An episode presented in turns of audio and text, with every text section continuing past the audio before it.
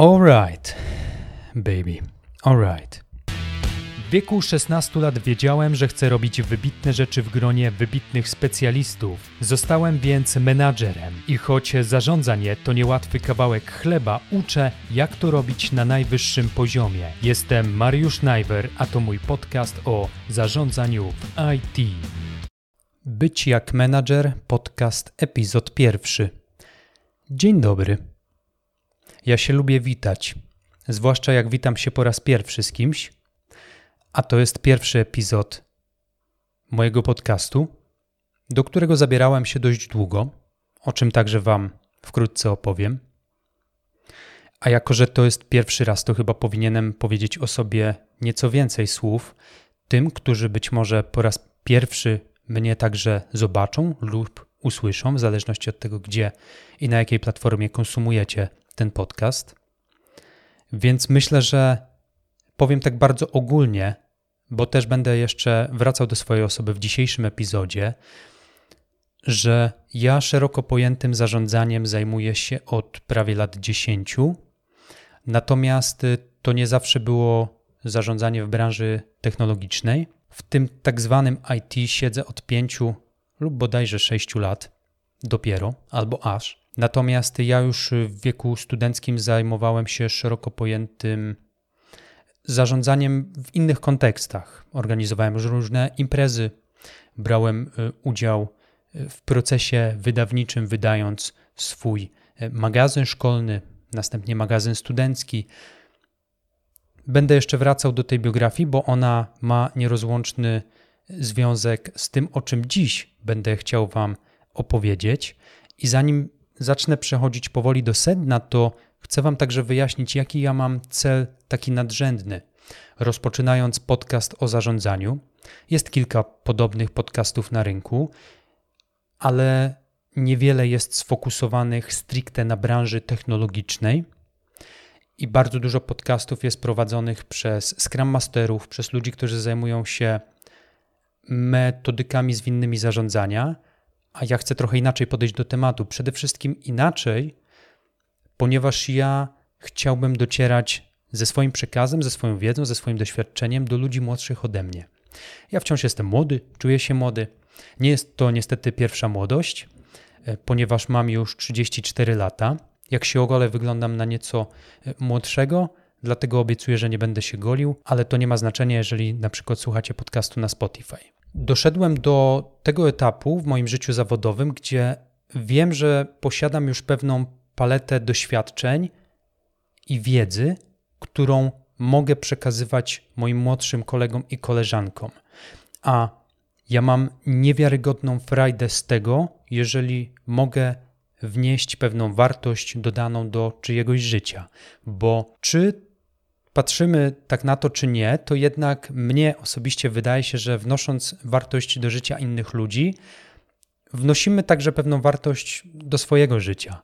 W sensie jest to po prostu fajne, żeby dzielić się wiedzą, doświadczeniem, poradami, pewnymi protipami. Jeżeli trafiłeś na ten podcast, ale na przykład działasz już czynnie od dłuższego czasu w branży informatycznej, lub jesteś e, stażem bardziej doświadczony ode mnie, bardzo możliwe, że ten podcast cię znudzi.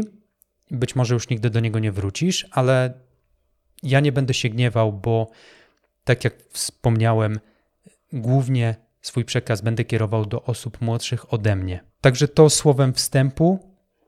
Epizod pierwszy, zobaczymy jak wyjdzie. Liczę, że nie obejdzie się bez potknięć, bo byłbym kompletnym nudziarzem, gdyby mi wszystko wyszło tak super perfekcyjnie.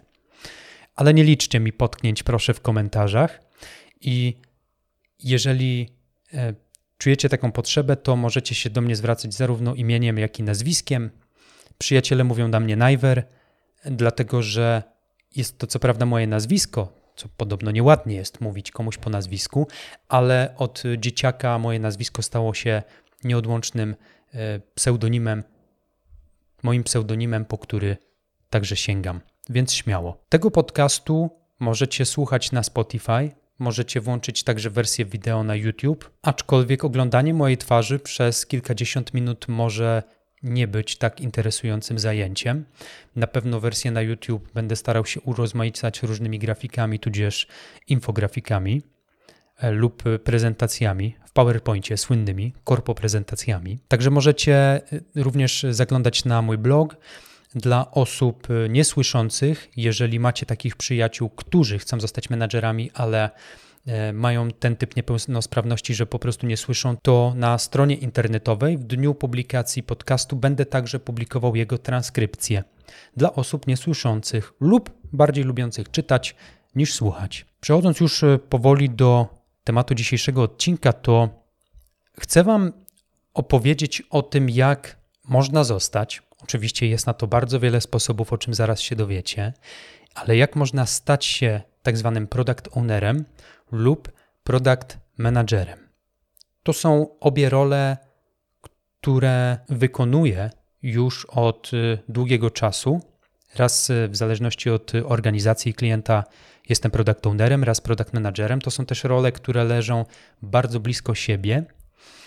I pomyślałem, że opowiem, jakie czynniki w moim życiu, jakie wydarzenia wpłynęły na to, że ja tym menadżerem zostałem.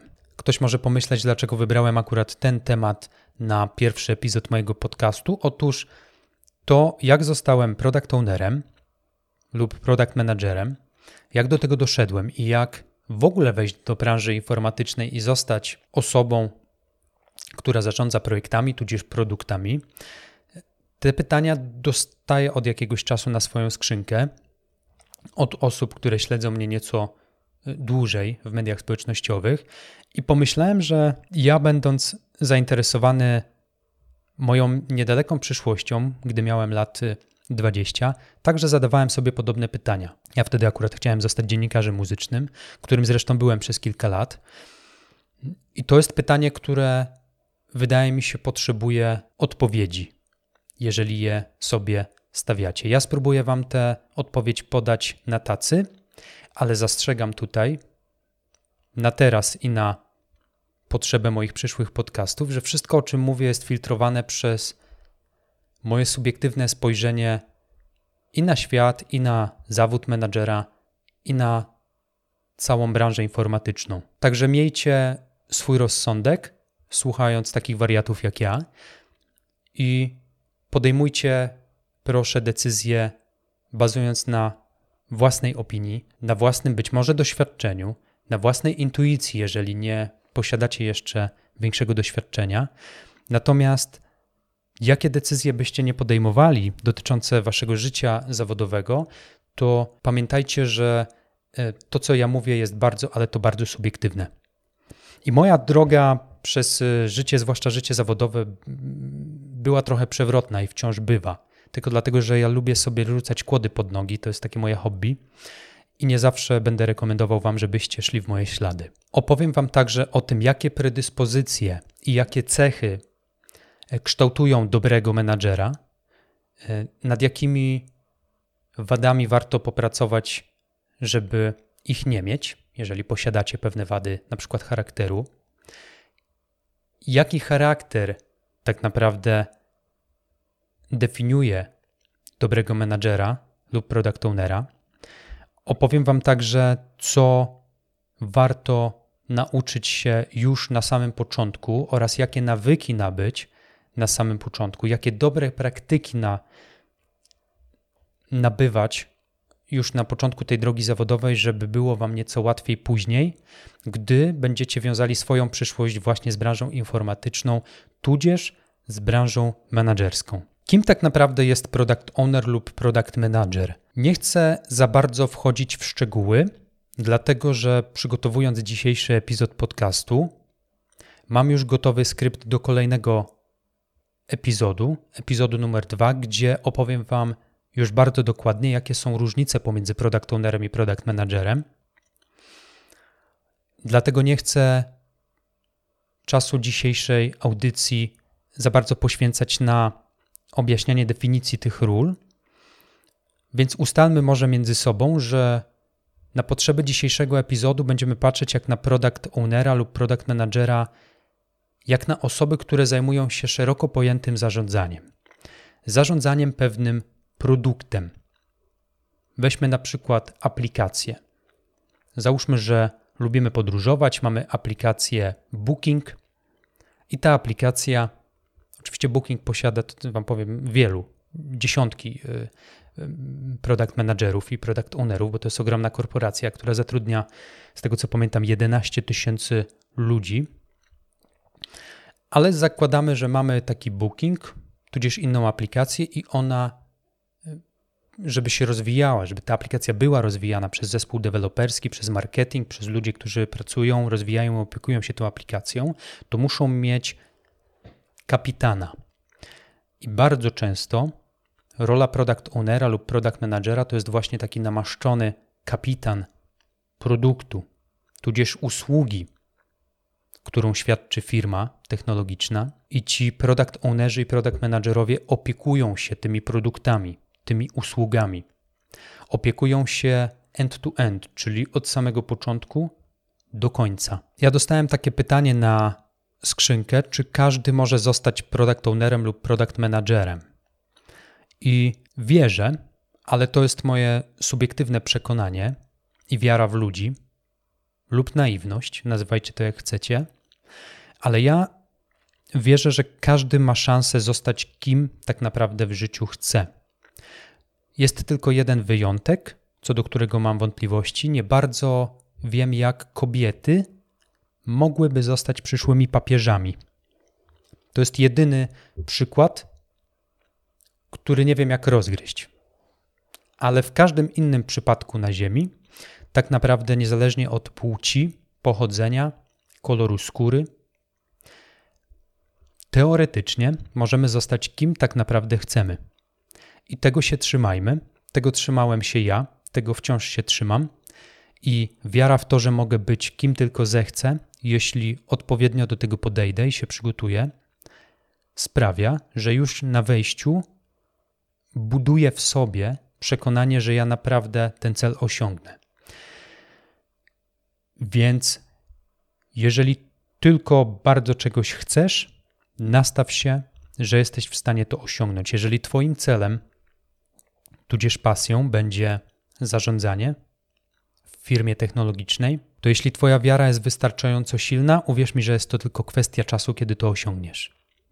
I to jest taki statement na początek, który wydaje mi się e, warto tutaj zaparkować. Natomiast z podobnym przekonaniem śmiem twierdzić, że jednym zostanie menadżerem przyjdzie łatwiej, a innym trudniej. Otóż Część z nas, znaczy wszyscy rodzą się z jakimiś predyspozycjami. Bycie menadżerem w firmie informatycznej także wymaga pewnych predyspozycji.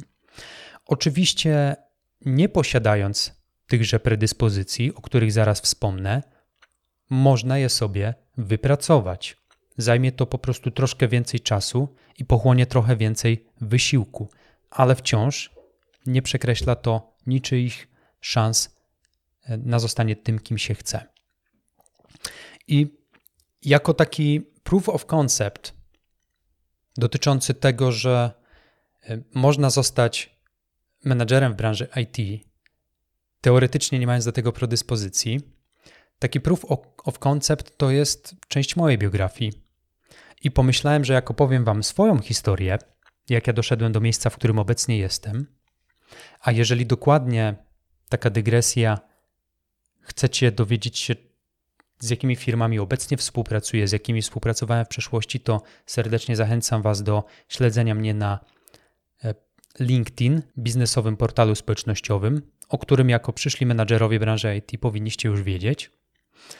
Tam możecie wejść w mój profil i zobaczyć, czym dokładnie się zajmuję i zajmowałem w przeszłości. I pomyślałem, że moja historia jak wam szybko nakreślę ten kawałek mojej biografii, gdy stawałem się menadżerem, jakie cechy o tym zadecydowały, może być fajną inspiracją dla was, jeśli jesteście młodsi ode mnie i wydaje wam się, że jesteście teraz w takim miejscu, z którego za cholerę nigdy nie wejdziecie do branży informatycznej. Otóż chcę was swoją historią wyprowadzić z błędu. W latach szkolnych, gdy byłem jeszcze w gimnazjum, zawsze byłem lepszy z matematyki niż z przedmiotów humanistycznych.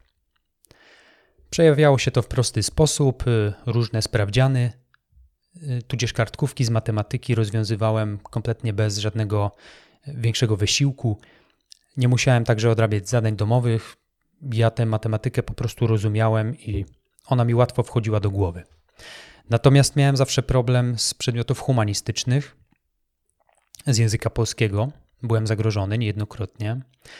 Podobnie z historii, ale pomimo tego, że miałem widoczne predyspozycje do tego, żeby iść w stronę specjalizacji ścisłych, ja w wieku 16 lat złapałem ogromną inspirację, żeby zostać dziennikarzem muzycznym. Ja i moi koledzy rówieśnicy wychowywaliśmy się w kulturze hip-hopu. To była pierwsza tak głośna subkultura w czasach wolnej Polski i ja się czuję częścią tego ruchu lat 90., początku lat 2000, gdy wszyscy nosili szerokie spodnie. Ja także byłem jednym z tych chłopaków, który w szerokich spodniach, wyglądających jak worki po ziemniakach, przemierzał polskie blokowiska. I pomimo, że miałem smykałkę do matematyki, poszedłem na studia humanistyczne. Poszedłem na dziennikarstwo ze specjalizacją dziennikarstwo muzyczne do Dolnośląskiej Szkoły Wyższej we Wrocławiu. Pomijam fakt, że od pierwszego roku studiów zamiast na salę wykładową trafiałem do redakcji Gazety Wrocławskiej. Po prostu uciekałem z wykładów po to, żeby móc jako stażysta czy tam praktykant e, pisać pierwsze artykuły do gazety. Ja pierwsze lata studiów e, związałem bezpośrednio z pracą w mediach. Pracowałem w gazecie, pracowałem w radiu, pracowałem w lokalnej i regionalnej telewizji, ale gdzieś w swoim wolnym czasie już wtedy zajmowałem się organizowaniem imprez. Ja powiem coś, do czego być może wielu innych eks-dziennikarzy muzycznych by się nigdy nie przyznało, ale organizowałem dość dobre imprezy karaoke u mnie w mieście. Sam nie śpiewałem, zakazałem sam sobie y, udostępniania publicznie mojego głosu i walorów y, wokalnych, po to, żeby nie straszyć ludzi.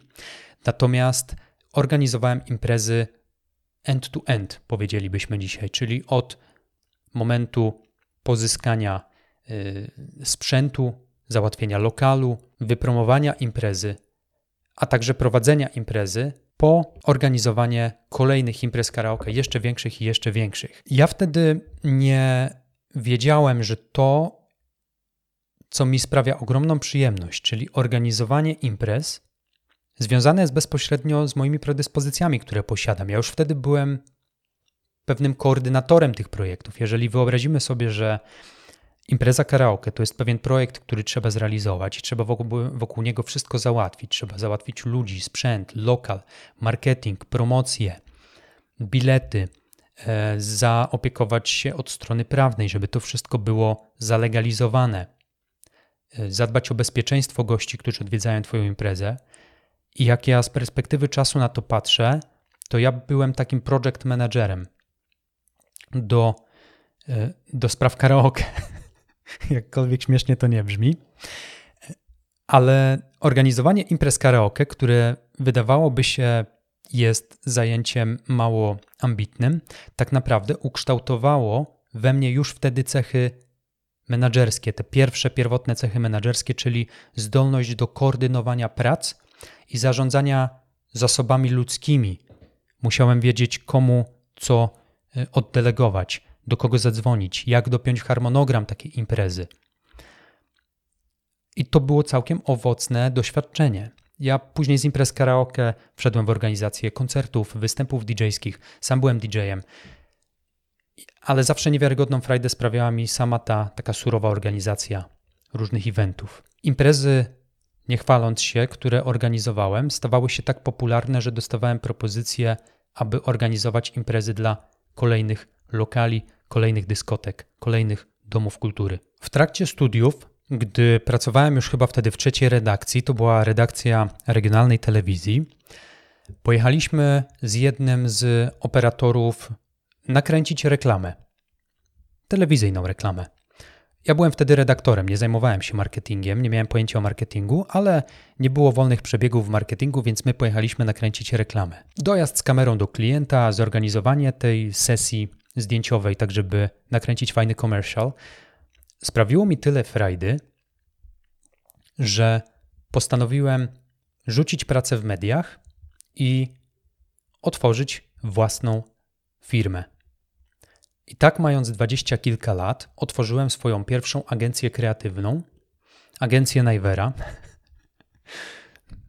Różne dziwne konotacje agencji Najwera sugerowali mi moi znajomi, natomiast była to działalność stricte marketingowo-PR-owska. My w tej niewielkiej lokalnej agencji reklamowej, agencji kreatywnej, agencji marketingowej zaczęliśmy produkować najpierw reklamy telewizyjne dla lokalnych mediów, potem zaczęliśmy stawiać pierwsze strony lokalnym firmom na WordPressie. Zajmowaliśmy się też różnymi innymi formami reklamy, towarzyszącymi formami takimi jak billboardy, ulotki, projektowanie materiałów reklamowych, ale najciekawsze jest to, że ja nigdy nie miałem skilla w kręceniu, w montowaniu tego typu produkcji telewizyjnych. Nie miałem skilla w projektowaniu ulotek.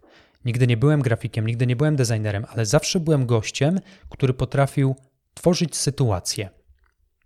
To jest moje takie osobiste określenie. A tworzyć sytuację rozumiem jako ogarnięcie czegoś od początku do końca tak, żeby wszystkie strony były zadowolone. I potrafiłem dotrzeć do klienta, załatwić grafika, zorganizować sprzęt, pozyskać dotacje, znaleźć lokal, znaleźć finansowanie na ten lokal, po to, żeby mieć tę końcową przyjemność z tego, aby móc pracować w swojej własnej firmie i zajmować się własnym biznesem. Otwarcie własnej firmy było jednym z najpiękniejszych, a jednocześnie najbardziej bolesnych doświadczeń, jakie mogły mnie spotkać. Dziś mogę dziękować tylko sobie i osobom najbliższym, które pomogły mi otwierać ten biznes, za to, że mogłem tego spróbować. Ta firma padła po kilku latach. My uciekliśmy z małego miasta do Wrocławia, ponieważ zaczęliśmy się dusić w małym mieście, a mnie już nie bardzo chciało się kłócić z klientami o 100 mm, zł. Postanowiliśmy uciec do większego miasta, do Wrocławia, gdzie mogliśmy rozwinąć skrzydła. Ja do Wrocławia przyszedłem z takim zamiarem, że znajdę pracę w marketingu, ponieważ polubiłem jako taki marketing, a jednocześnie z moimi kumplami, przyjaciółmi będziemy rozkręcać własny startup. Tym startupem była strona, za pośrednictwem której użytkownicy z całego świata mogli zamówić sobie fototapetę na wymiar. Kiedyś opowiem Wam przy piwie, e, jak ruszyliśmy ten startup i ile fanu mieliśmy budując taki website, marketplace z fototapetami. Idąc do clue Przyjechałem do Wrocławia, znalazłem pracę w portalu many.pl, wtedy jeszcze nie należącym do wirtualnej Polski, gdzie zostałem specjalistą do spraw reklamy. Nie mając pojęcia o tym, czym są e, CTR-y, jak liczy się konwersję, na czym polega mierzalność klików i skuteczności kampanii reklamowych w internecie, nie miałem kompletnie bladego pojęcia o tym, jak wygląda marketing online. Wszystkiego nauczyłem się jako ten junior specjalista.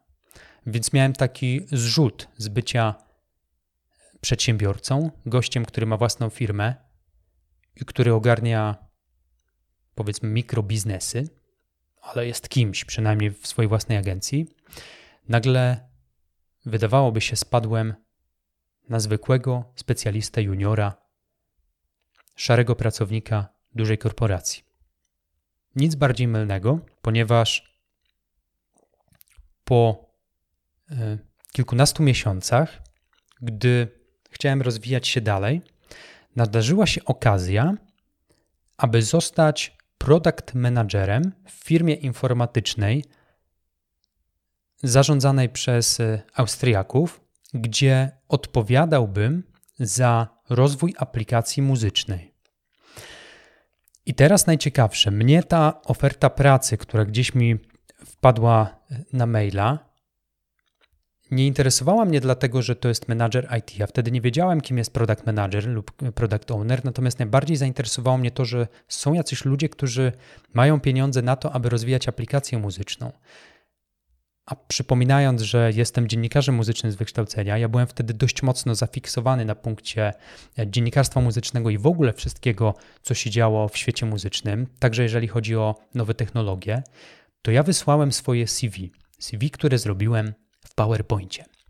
I w tym CV napisałem, że nie mam bladego pojęcia o branży informatycznej, nie wiem na czym polega programowanie, nie wiem kim są programiści i jak się z nimi pracuje, ale, ale mam ogromną wiedzę o rynku muzycznym, nie tylko w Polsce, ale o rynku muzycznym na całym świecie.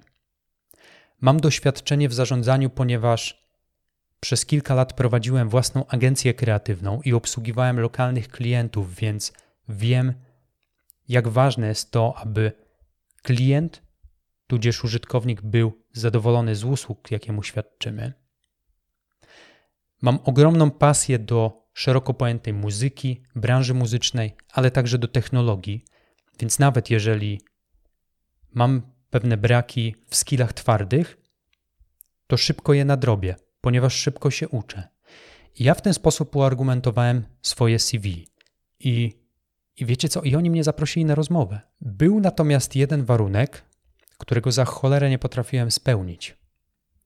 Tym warunkiem było komunikatywne posługiwanie się językiem angielskim. A ja z angielskiego zawsze leciałem na dwójach. W liceum raz skończyłem jedną klasę mając czwórkę bodajże, a nawet piątkę z angielskiego, ale tylko dlatego, że cholernie polubiłem nauczyciela i bardzo fajnie mnie inspirował do, do nauki tego języka. Natomiast nie byłem w stanie poprawnie skleić nawet dwóch zdań po angielsku. Rekruterka, która organizowała ten proces rekrutacyjny, umówiła mnie więc na rozmowę na za 3 lub 4 tygodnie. I miałem te 4 tygodnie, żeby nauczyć się angielskiego. Ja pamiętam, że wykorzystałem wtedy cały swój urlop po to, żeby siedzieć w domu, w książkach, w języku angielskim, tylko po to, żeby móc cokolwiek wydu wydukać na tej rozmowie kwalifikacyjnej.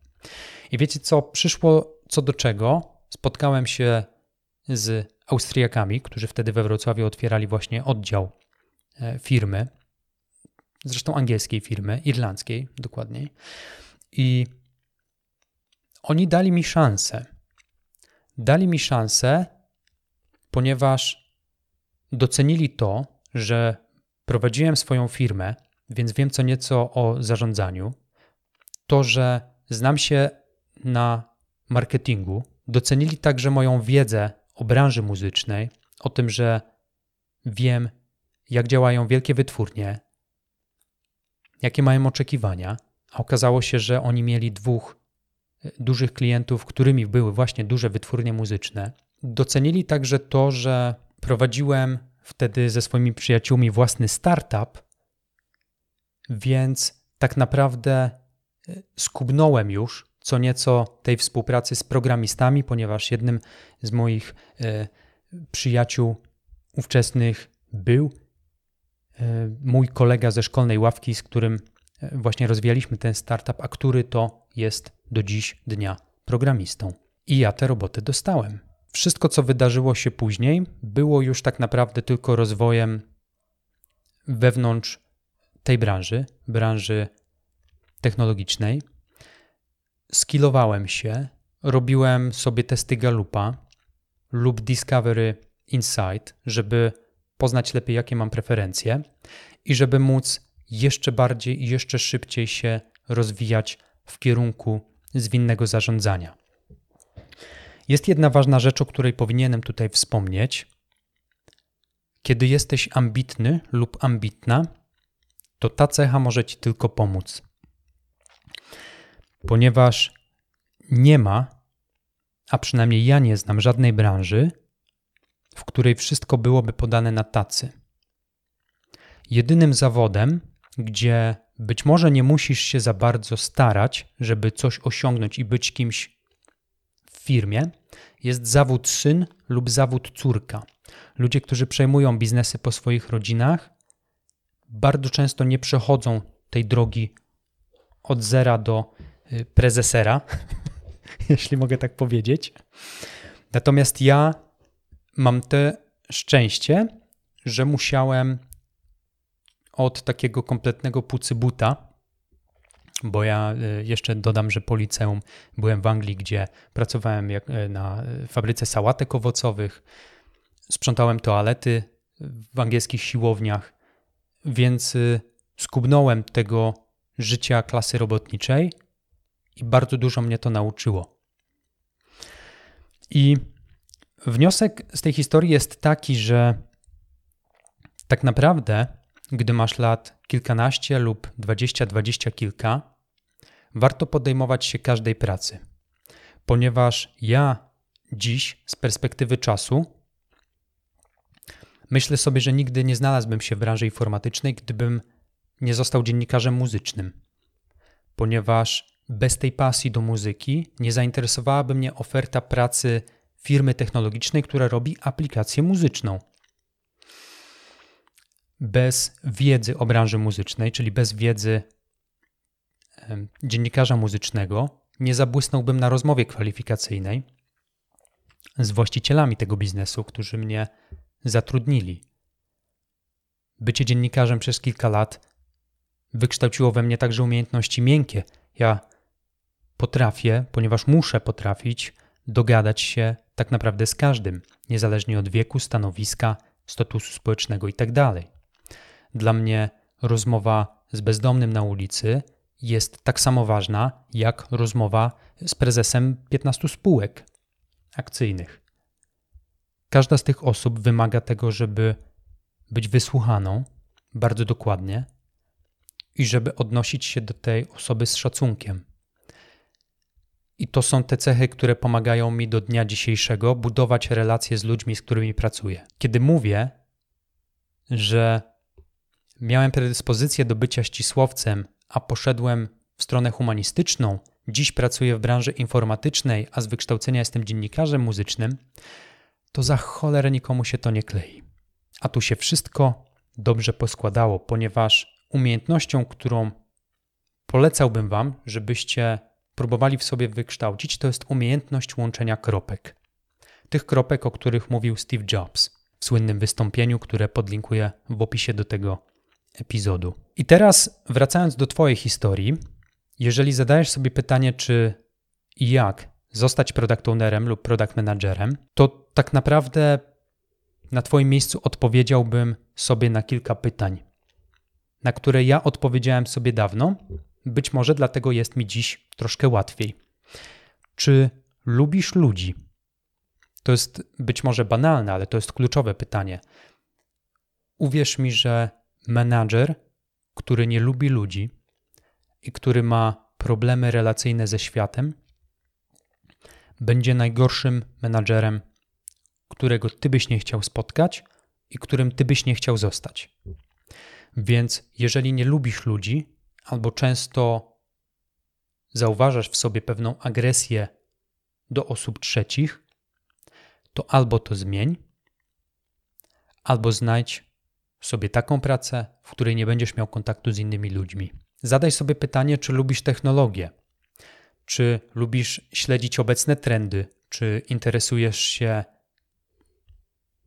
technologiami mobilnymi lub webowymi, czy interesuje Cię to, co znajduje się w aktualizacji oprogramowania Twojego smartfona, jeżeli pojawia się taka aktualizacja, którą pobierasz.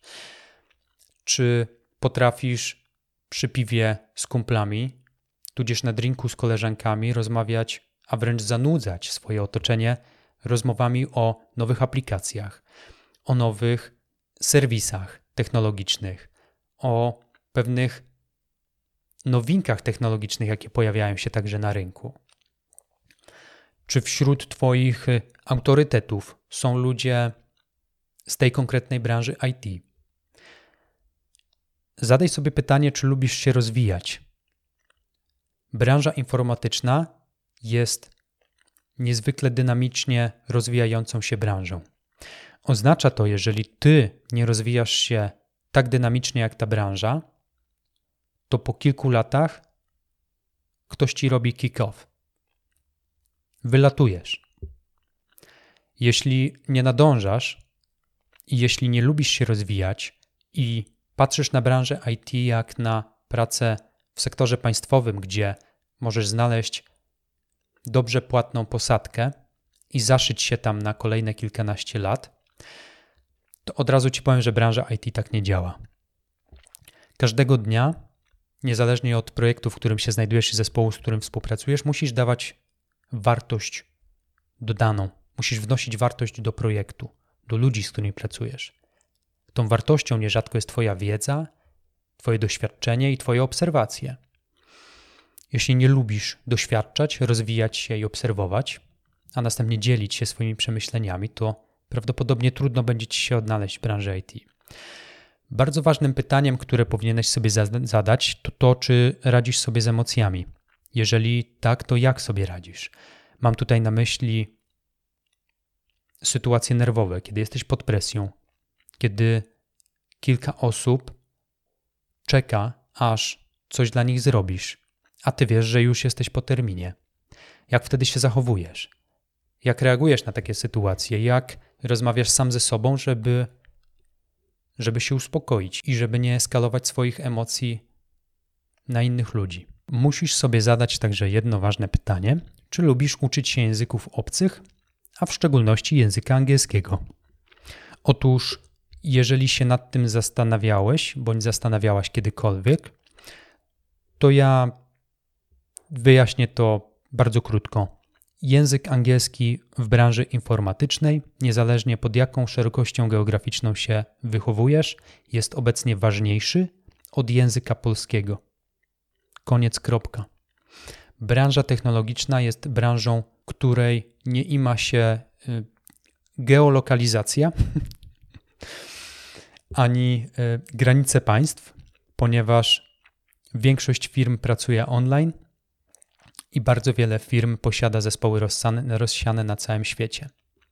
Przepływ informacji jest ponadpaństwowy, międzynarodowy i język angielski jest często językiem oficjalnym firm technologicznych. Zadaj sobie pytanie, jakimi ludźmi się otaczasz.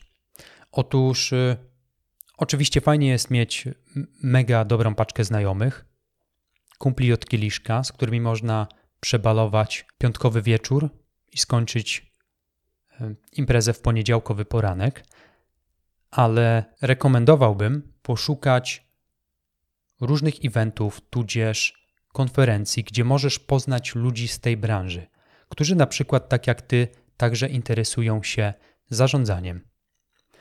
Nic tak nie inspiruje i nie motywuje do działania, jak Twoje najbliższe otoczenie. Ja kiedyś słyszałem taką opinię, że to, kim jesteśmy, to wypadkowa sześciu osób, z którymi najczęściej się spotykamy. I kiedy zrozumiałem, że jest w tym ziarnko prawdy, bardzo szybko zredefiniowałem własne otoczenie, moich najbliższych przyjaciół, z którymi zresztą wciąż się spotykam z moimi dawnymi przyjaciółmi, natomiast y, zeszli gdzieś na dalszy plan. Ja obecnie najczęściej przybywam w otoczeniu ludzi z tej samej branży. Kolejnym pytaniem, na które warto, abyś sobie odpowiedział, to to, jak ci idą negocjacje. Jeżeli nie czujesz się dobrze w sytuacji, gdy ktoś chce się z tobą skonfliktować albo udowodnić ci na siłę, że ma rację, nawet gdy jej nie ma, to spróbuj obserwować sam siebie, jak negocjujesz z taką osobą, tak aby znaleźć rozwiązanie dla obydwu stron. Umiejętność negocjacji, prowadzenia sporów, gaszenia pożarów to jest nieodłączny element pracy każdego menadżera. A znam takich menadżerów, którzy zamiast gasić pożary, sami je wzniecają. I z takimi menadżerami długo się nie pracuje. I na koniec, zbliżając się już powoli do końcówki, zastanów się, czy potrafisz słuchać innych to jest problem, który ja miałem. Mm, przez większość mojego życia bardzo często mówiłem, nie słuchając drugiej strony, a kiedy odwróciłem te proporcje, to mój progres i to, jak szybko poszybowałem w górę ze swoją, nie lubię tego słowa, karierą menadżerską, no, przeszło moje najśmielsze oczekiwania. Także umiejętność słuchania innych może dać Tobie bardzo, e, bardzo wielką wartość, jeżeli chcesz się rozwijać w kierunku kierowniczym. E, podsumowując, bo troszkę się rozgadałem. Każdy może zostać menadżerem, wymaga to jednak pewnego doświadczenia i umiejętności, które musisz po prostu nabyć.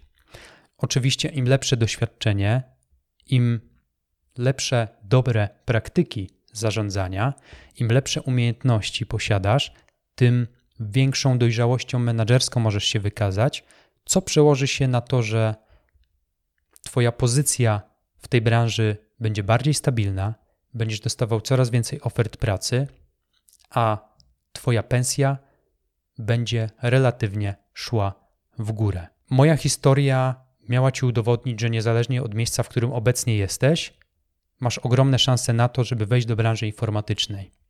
Ja wszedłem od strony marketingowo-medialnej. Ty możesz wejść od zupełnie innej strony. Znam ludzi, którzy byli osobami technicznymi, a dziś są świetnymi menadżerami. Znam ludzi, którzy byli świetnymi pracownikami, uwaga, administracji. Oni po prostu przerzucali różne papiery na biurku prezesa, a po kilku latach stali się wprawnie działającymi e, project managerami.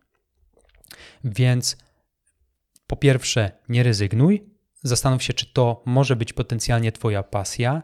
Po drugie, idź w to. A po trzecie, to nie napalaj się. Cierpliwości, cierpliwości i jeszcze raz cierpliwości. Pamiętaj zresztą, że jak mawiał Schopenhauer, wszystko co piękne dojrzewa powoli.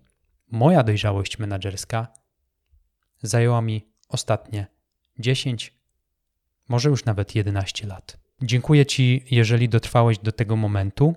Serdecznie zachęcam, żeby śledzić mnie w mediach społecznościowych, zasubskrybować newsletter na moim blogu byciakmanager.pl, gdzie E, wysyłam za pośrednictwem newslettera tylko i wyłącznie informacje o nowych artykułach i podcastach.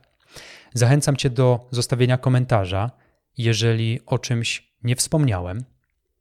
Wszystkie komentarze, wszystkie uwagi będę skrzętnie chomikował i zbierał i postaram się odnosić do nich w przyszłych podcastach. I to chyba tak naprawdę tyle.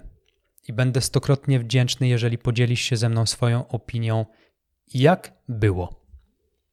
To był pierwszy epizod mojego podcastu. Liczę na wyrozumiałość, ale też konstruktywne i bezlitosne komentarze ze szczerymi opiniami. Wszystkiego dobrego, dbaj o siebie i innych. Do usłyszenia i zobaczenia.